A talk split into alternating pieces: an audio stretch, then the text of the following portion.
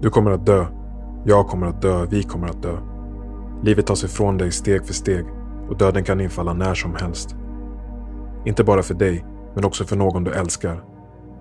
Tanken på döden, att tiden rinner ur dina händer som sand, kanske skrämmer dig. Du kanske till och med tillåter den rädslan diktera vilka du älskar, vad du jobbar med och hur du lever ditt liv. Men om du istället kan acceptera livets korthet och tillfällighet kanske ditt liv kan fyllas med en större känsla av syfte och tacksamhet snarare än rädsla. Kanske kan det frigöra dig från det själsliga motståndet och göra dig mer benägen att lyssna på ditt hjärta och inre dragningskraft. Påminn dig själv om att döden oundvikligen vilar i varje sekund som är förbi och kommer att omfamna varje sekund som är framför. Borde du inte då vända dig mot dem du älskar och låta dem veta det? Borde du inte vända dig mot det du älskar och ge det näring så att du kan vakna upp till något meningsfullt med glädje, styrka och energi? Och att finna just din väg till ett liv värt att dö för.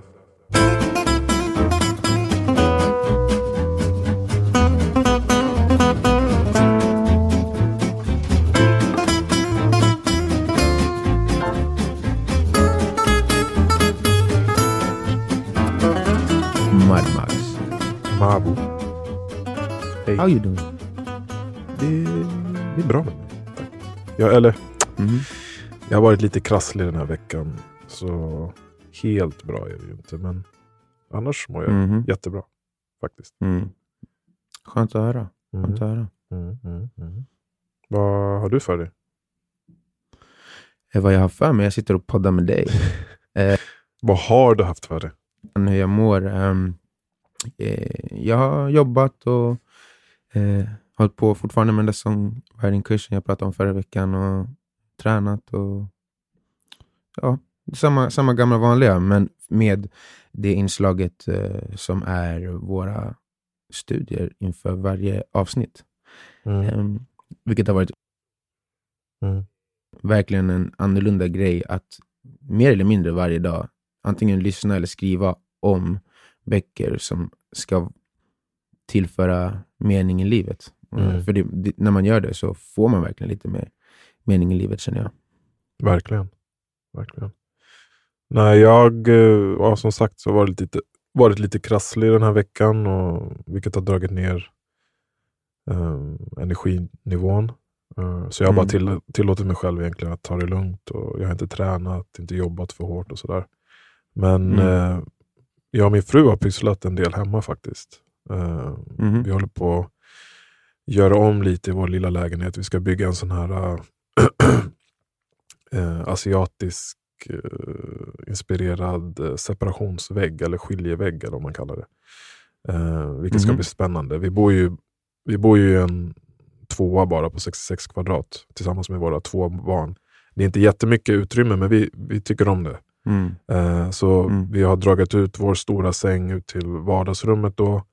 Och i vardagsrummet ska vi liksom skapa känslan av att det är ett sovrum där också. Eh, då med den Mm. här skiljeväggen. Så att, eh, Okej. ja, det är spännande och kul att göra något helt annat. Hon är väldigt bra och brukar hålla på mycket med sånt pys eh, pyssel. Men Mm. jag, jag tror att jag är händig, men det är inte det första jag väljer att pyssla med. Om det finns någonting som behöver göras hem, hemma som kräver att man är händig, då kanske jag skjuter på det liksom två, tre veckor innan jag tar tag i det. Att göra, Mm. Även om det blir gjort bra så, så, så tar jag min tid innan det blir gjort. Liksom. Du klarar av det men du tycker inte om det. Mm. Jag kanske inte prioriterar det. Jag vågar inte säga att jag inte tycker om det. För att, Mm, mm. Nej, men jag, fattar. jag fattar. Men det är lite samma sak med mig faktiskt. Som jag, jag brukar inte känna mig eh, icke-kapabel att utföra det. Nej. Men eh, det är ingenting som jag längtar efter. direkt.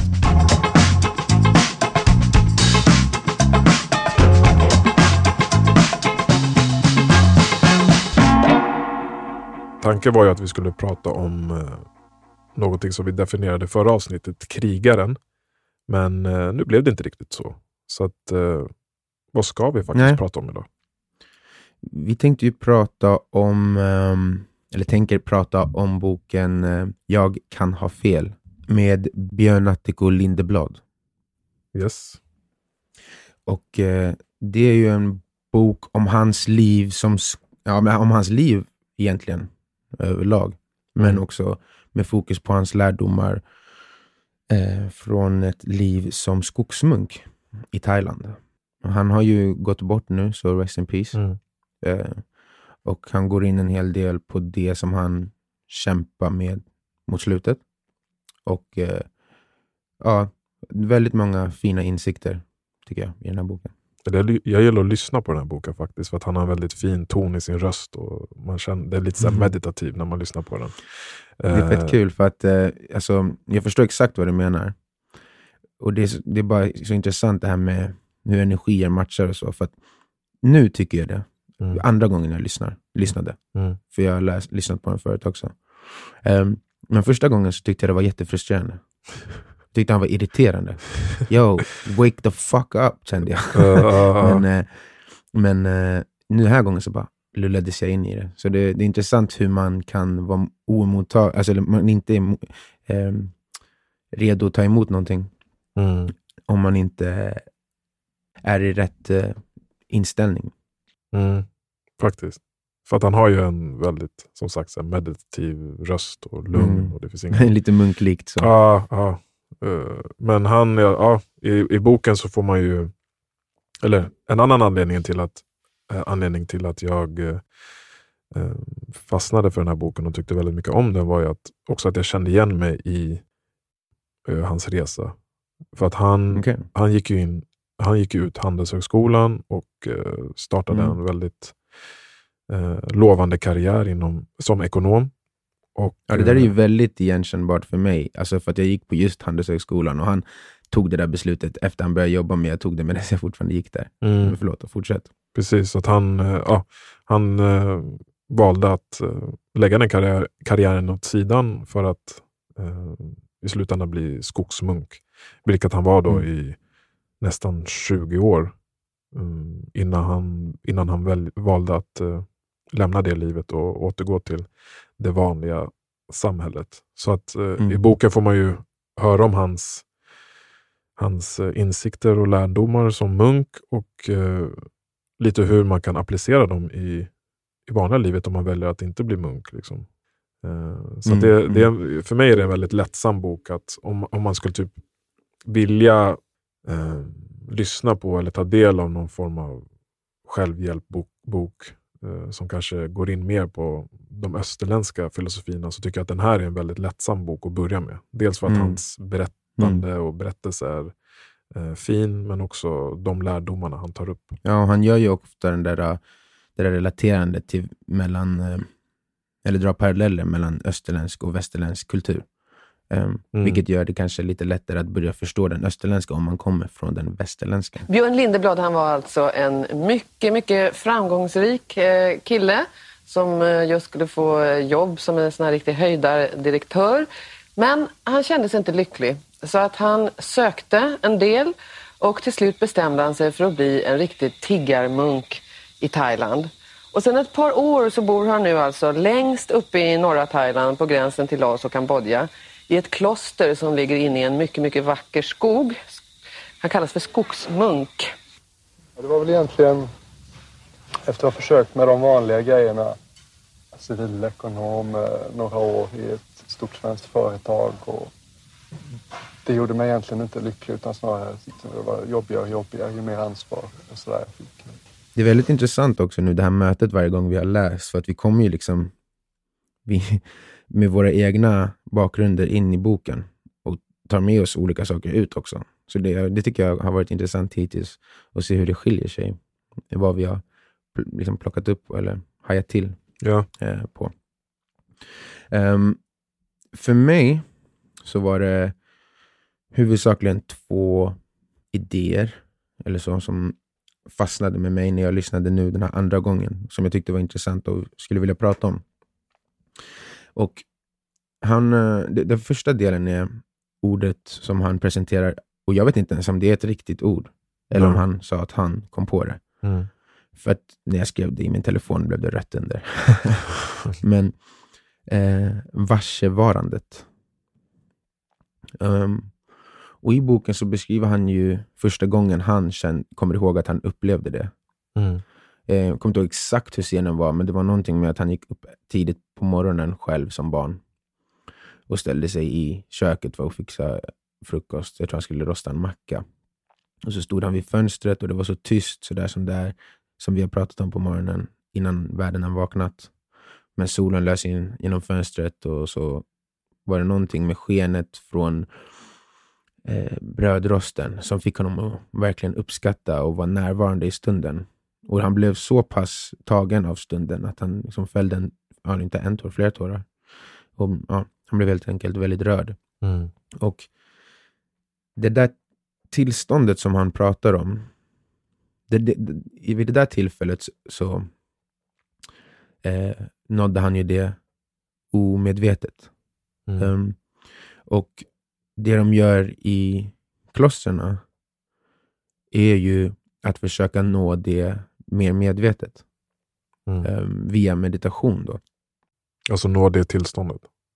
Ja, Mm. alltså vars, som han beskriver det tillståndet så, så är det ju när man, ja, men när man är helt närvarande, och som andra har beskrivit också, så lägger man ingen värdering i allting som man ser, Just. utan man bara tar in det. Mm.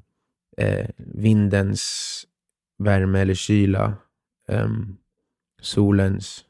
Det, det finns liksom ingen eh, binär avvägning på om det är bra eller dåligt, fint Exakt. eller fult. Utan allt är bara och det är Exakt. det som är så vackert. Det är som att. Det är som den där platsen som man försöker komma till när man mediterar, där man iakttar ens tankar. Mm. Och han beskriver det väldigt bra. Mm. Den, den platsen, när den kan vara helt fri, utan påverkan från tankar och sånt, då kan man nå det här varsevarandet. Liksom. Och det är en väldigt lugn plats och man känner Mm. sig ehm, som att man är på något sätt eh, omfamnad i en varm kram. Och det, är liksom, det är solljus mot ansiktet, för där är Mm. allting alltid lugnt. Oavsett vad som är utanför. Mm. Och jag har hört det liksom beskrivas av andra människor som kanske inte har den här filosofin och så som han har, men typ Nelson Mandela och sådana som beskriver hur deras eh, tankar är allt, var allt, alltid var fria, även när de inte var det. Och Det är ju sådana Mm, extrema situationer också. Alltså Nelson Mandela, du vet, när de låtsades att de skulle begrava honom levande och sen kissar på honom i den graven. Och du vet, Sådana liksom, situationer. Och han kunde ändå finna att om jag kan nå den här platsen där de, där, och inte låta något av det här komma in dit, Mm. så har jag fortfarande makt över mitt eget liv där. Och jag, tyckte det, Ja. jag tycker den idén är så stark och fin. Och det, det är liksom som att om du kan om du kan lära känna den platsen, och det kan man göra på olika sätt, men meditation är ett av de bästa jag har försökt. Då är det som om, eftersom att du vet att bakom allting som finns i livet, alltså framgång eller, in, eller motgång, eh, kärlek eller hat, whatever det än är. Så om du bara backar ut Mm. så är allting alltid lugnt. Då är det, det här, den här varma kramen och, och solljuset. Ehm, och eftersom att du då vet att vad som än händer i livet så har du det där som lägsta nivå. typ. Förstår du vad jag menar?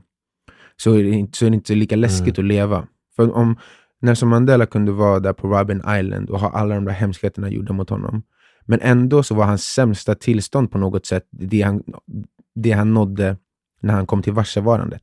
När han bara inte Mm. lägger värderingar i allting, utan bara går igenom det som händer. Ehm, och Mm. om till och med han kan det, så betyder ju det att liksom, det finns, om man kan vara så stark mentalt och, och lärt känna den platsen så väl, så finns det nästan ingenting i livet som kan påverka en, som tar en lägre ner i eh, känslor än det man känner vid när man känner varsevarandet. Jag eh, kopplade det till en, eh, en tanke som du och jag har bollat många gånger. Jag tror att vi pratat om den i podden också, att man kan se livet som ett spel. Eh, Alan mm. Watts, en annan person som studerar österländsk filosofi, han har en väldigt fin video på Youtube där han pratar om att om du kunde gå och lägga dig varje natt och leva 70 år eh, i dina drömmar, och i de drömmarna så var du som en gud som kunde göra allting. Då säger han, det skulle bara ta en vecka av sådana nätter innan du hade gjort allting som man kan göra Du hade levt alla typer av liv för att du Mm. kan bestämma allt. Till slut hade du velat lägga in någonting som är en motgång. Som gör det lite svårare. Typ, om det är min dröm så säger jag Madi får nu göra vad han vill. Så jag måste hantera det. Och då gör det det Mhm. intressant igen. För att det är tråkigt nu. Alla. Jag har gjort allting annat. Nu måste jag ha någonting som stimulerar. Det finns en kontrast. Liksom. Exakt. Och när jag väl har lärt mig att hantera dig, då kommer jag lägga till någonting mer som inte följer exakt vad jag vill. Och hans idé är att om du gör Mm. så om och om och om igen, så kommer du till slut hamna på en plats som är exakt likadan som ditt liv är idag, där du har noll kontroll förutom över dig själv. För att du vill ha den där utmaningen, Mm. det är det som är spelet, det är det som är att leva ett liv. Att möta det som kan vara svårt eller det som kan vara, vara väldigt kul. Och det är liksom livets spel. Och Mm. om du kan ha varsevarandet där som, eh, som stöttar dig.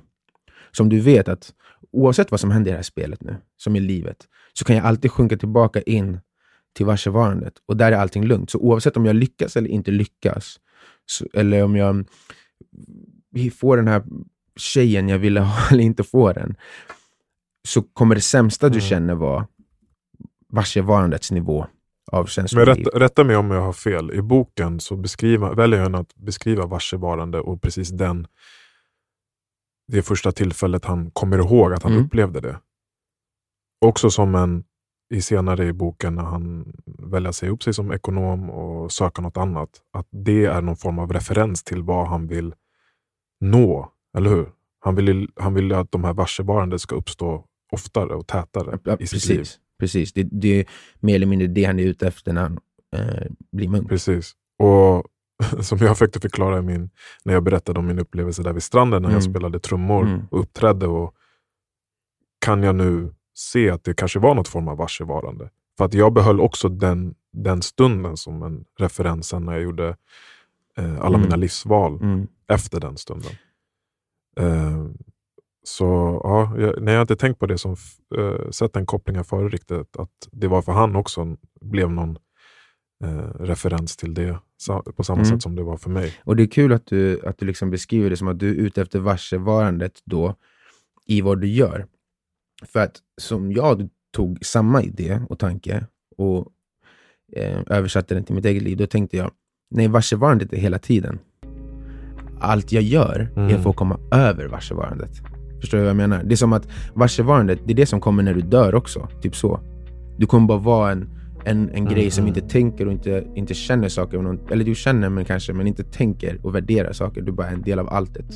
Alltså enligt den här filosofin. Mm. Och när du kommer till jorden, till livet, som när vi pratade om um, nöjesfältet. Det är då, du, då går du för att du vill göra någonting mer. Så som den här eh, guden i drömmarna också. Alltså att när du, när du kan göra Mm. allt, till slut så vill du göra det svårare och svårare. Och det är det som är livet, alltså den här leken. Du kan gå tillbaks till att vara en gud där det alltid känns bra hela tiden. I varsevarandet. Men i livet så känns det upp och ner. Och det är därför du ens är där. Mm.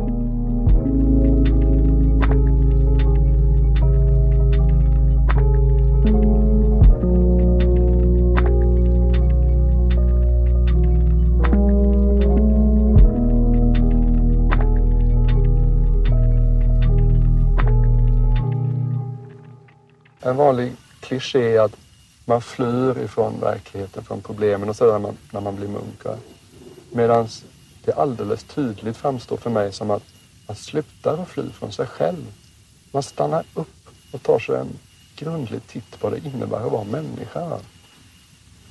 Det är, liksom, det är ganska lustigt den paradoxen att folk utifrån tycker vi flyr från verkligheten.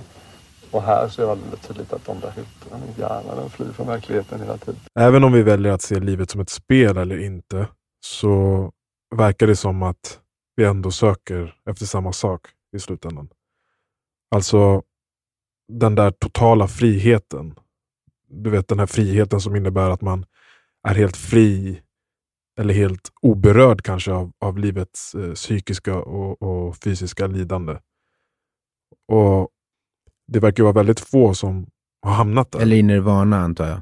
Alltså om man har nått uh, upplysningen och sen dör. Ja, man alltså, ja, precis. Om man, om man kan få den känslan hela Precis, tiden. men för dig och mig och de allra flesta så kommer vi inte nå dit. Men vi människor söker oss ändå dit på olika sätt. Mhm. eh, genom olika typer av framgång i materiella saker, kunskap, fysisk framgång, kärlek eller droger, droger, droger och så vidare. Mm. Om de flesta av oss ändå söker den där befrielsen från, från lidandet, den Mm. friheten, varför är det så få som lyckas? Vad är det vi gör fel? Liksom? Eh, Mm. Det som tas upp i boken ger mig ännu en insikt om hur otroligt svårt det verkar vara att eh, liksom både spela livets spel, som du uttryckte det, Mm. men att också ta vara på varsevarandet. För sättet vi lever på är ju precis tvärtom från varsevarandet. Alltså i varsevarandet är det lugnt, det är fullt av förståelse, det är kärlek, men det är också hat. Och det spelar ingen roll. Men vi, du och jag, och alla som inte är eller har blivit skogsmunkar eller eremiter eller så, jobbar alltid med våra tankar och känslor. Och gör avvägningar om saker är bra eller dåligt och så. Vilket inte händer i, i varsevarandet. Allt vi gör är att samla på oss information och använda våra känslor och tankar för att lista ut vad just verkligheten är och vad livet är. Mm. Det som den här boken visar mig och som många andra böcker har visat mig är hur svårt det verkar vara för oss att inse att lidande psykiskt, men också fysiskt ibland, Mm. handlar mycket om att vi inte har tillräckligt med kontroll över våra tankar. Mm. Alltså att vi tänker hela tiden utan, utan att ens veta att, att man faktiskt aktivt tänker. Medan livet och varsevarandet är där hela tiden. Mm. Mm. Vi är liksom fast i en förtrollning och svävar runt i en verklighet innanför den riktiga verkligheten. Och, och den här Exakt, illusionen. så varsevarandet är det som egentligen, det är egentligen det som finns. Allt annat är ju... Ja, ja exakt. I, I den här illusionen Mm, försöker man mm. hitta svaret. Liksom. Och Mm. Det är ju just det som meditation, vilket också Björn pratar om i boken. Det är ett väldigt bra sätt för att öva och, och lära sig just att notera en tanke som bara en Mm. tanke. Att fånga en känsla och inte bara reagera. Precis. För Mm. liksom, innan man har lärt sig att distansera sig från sina eh, tankar så går man bara runt hela tiden och typ så här hjälplöst tänker. Mm. Alltså hela sitt liv. Mm. Och man reagerar på allting. Så att, då har man ju inte någon kontroll egentligen. Mm. Så jag tror att man måste förstå att tankarna och känslornas process egentligen inte har någonting alls med verkligheten att göra. Mm. Alltså allt som händer i kroppen och sinnet är vårt individuella drama. Mm. Det är vår egna film eller saga som spelas upp liksom, bakom ögonen på Mm. oss. Men vi identifierar, identifierar den filmen eller sagan som livet. Mm. Och den filmen spelas bara upp för dig för att du har samlat på dig eh, en viss mängd information. Mm. Och värderingar och, skapat, allting. liksom. Precis, skapat olika värdeskalor runt den informationen. Mm. Så, och det är liksom oavsett, oavsett vad det är för information du har samlat på dig, om det är rätt eller fel. Utan det är bara så tankarna går. Eh, så, så har du en, liksom, du har alltid en åsikt om allt och alla. Mm. Mm. Du har saker du tycker om, du har saker du inte tycker om. Mm. I vissa situationer känner du på det här sättet och reagerar så här och i andra eh, situationer känner du så och reagerar så. Mm. När man är fast i den här eh, förtrollningen så är tankarna det som färglägger ens upplevelse helt enkelt. Mm. Om du har arga tankar så är du arg. Om du har glada tankar så är du glad. Har du ledsna tankar så är du ledsen. Mm. Och eftersom att du identifierar dig som tänkaren av dina tankar bestämmer också tankarna allt du gör, dina intentioner, alla dina mål och så vidare. Mm. Det är som... Det är som att man är... Mm. Nej, fortsätt. Nej, men det är så, för att tankarna, när man sitter i meditation så blir man ju väldigt medveten om att de kommer från en plats som du inte har full kontroll över hela tiden. Men det är inte du. Nej, precis. Det är väl det man får... Men ja, man kan lära sig ta kontroll över den delen. Eller så här, man Mm. kan säga att det är du eller en del av dig om man vill se på det så. Men det är inte allt som du Mm. är. Du, om vi pratar som förra avsnittet, så om du är din kropp och du är din mind och du är din spirit, så är liksom det där är bara the mind. Men du är också the spirit and the Mm. body, som också kan vara närvarande och, och delaktiga i att leva ett liv. Och när man märker att de kommer, för när jag sitter och mediterar nu, alltså, och jag är ingen expert, men när jag sitter och så går det ibland väldigt bra och sen ibland så märker man att så här, jag hinner ta ett par andetag och så dyker det upp en tanke. Och så dras man iväg med den. Och så bara man, jag försöker ju att inte tänka vart, så vart kommer de ifrån? Um, Mm. och det är då när man bara fattar att de kommer av sig, själv, av sig själva. Från någon slags undermedveten Mm. del av dig. Och, och det är då när du märker att så här, jag vill inte att de ska komma, men de kommer. Så det här kommer från någon annanstans. Det här kommer från, och som du säger, det kommer från all insamlad information över hela livet som sen eh, ditt undermedvetna eller din själ eller whatever liksom samlar på sig. Och sen så, till exempel, du kan tycka illa om någonting bara för att du har sett det en gång i en film, att det var dåligt när du var åtta. Liksom. Och sen så Mm, poppar det upp mm, att du ska känna så över den här saken, för att du har ju sett det den där gången. Men Mm. egentligen så är det inte ens din egen värdering, utan det är bara en, en, en reaktion på en situation som du har registrerat tidigare. Och sen när, dessa, när du står inför samma situation så känner du att det här är ett legitimt sätt att agera. Mm. Eh, Och vi förstår ju inte riktigt att sanningen är att vi har ensamrätt att egentligen skapa exakt den typ av tanke vi vill ha. Mm. Och ex exakt den typ av känslan eller känslor vi vill ha. Och, alltså här kan man ju Så- bli så här, "Det- men det är omöjligt, vad menar du? Och så här, man kanske inte kan gå runt och forma dem exakt hela tiden, för man kommer ryckas med. Precis som när du sitter och mediterar, Absolut. så kommer du ryckas med. Men Absolut. det du tränar på är att kliva tillbaka. När du mediterar så Mm. tänk, tränar du på att märka, okej nu tänker jag på någonting, så nu ska jag sluta. Och det är samma sak när du Mm. tänker på någonting negativt sen. Som du sa, du kommer må negativt om du, eh, du- kommer känna dig negativt om du tänker något negativt. Så när du börjar märka antingen tanken eller kanske känslan, då kommer du veta vad du ska göra och du kommer vara tränad i att steppa tillbaka från det. tillbaka in i den där varma kramen och solljuset som är varsevarandet och sen så kan du liksom komma tillbaka in i spelet med, med mindre rädsla.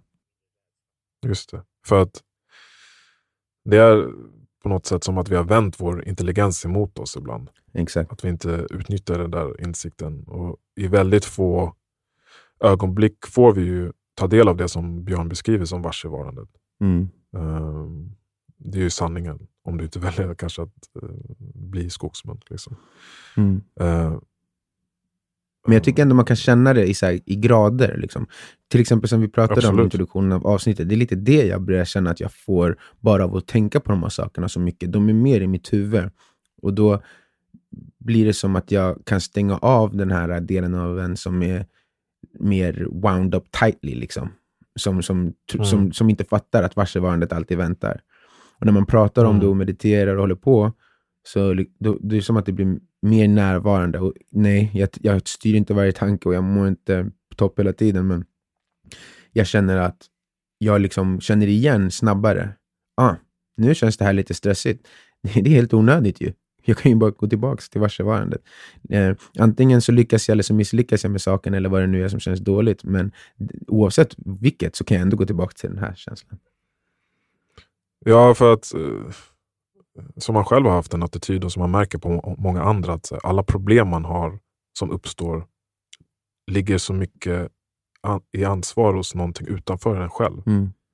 Som att vi har tappat kontrollen över vårt eh, liksom livsdrama eller psykologiska drama. Mm.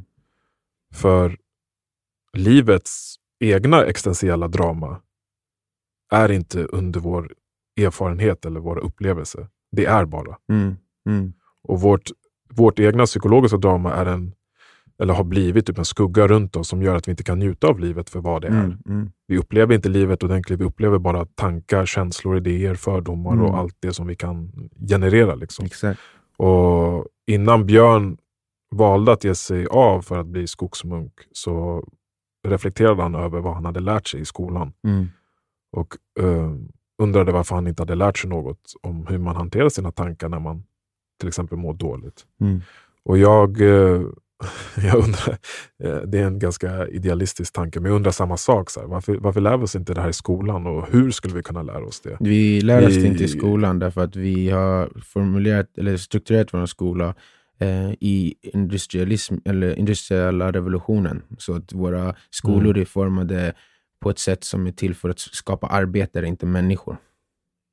Precis, vi kultiverar vårt intellekt det är det som fokuset ligger på egentligen. Och knappt Men det det, är ju alltså bara- knappt det ju. Ja. Det är så här, vi kultiverar prestationer så att vi kan nå en viss plats i det här yttre livet. Men det, det är knappt så att det är faktiskt intelligensen alltid som spelar en roll. Hur mycket, folk fusk, så mycket som folk fuskar och eh, nepotism Mm. och allt som finns både i skola och jobb. Eh, men åtminstone vi fokuserar på ett verktyg Mm, mm. Liksom, som, som vi ska använda i livet. Mm.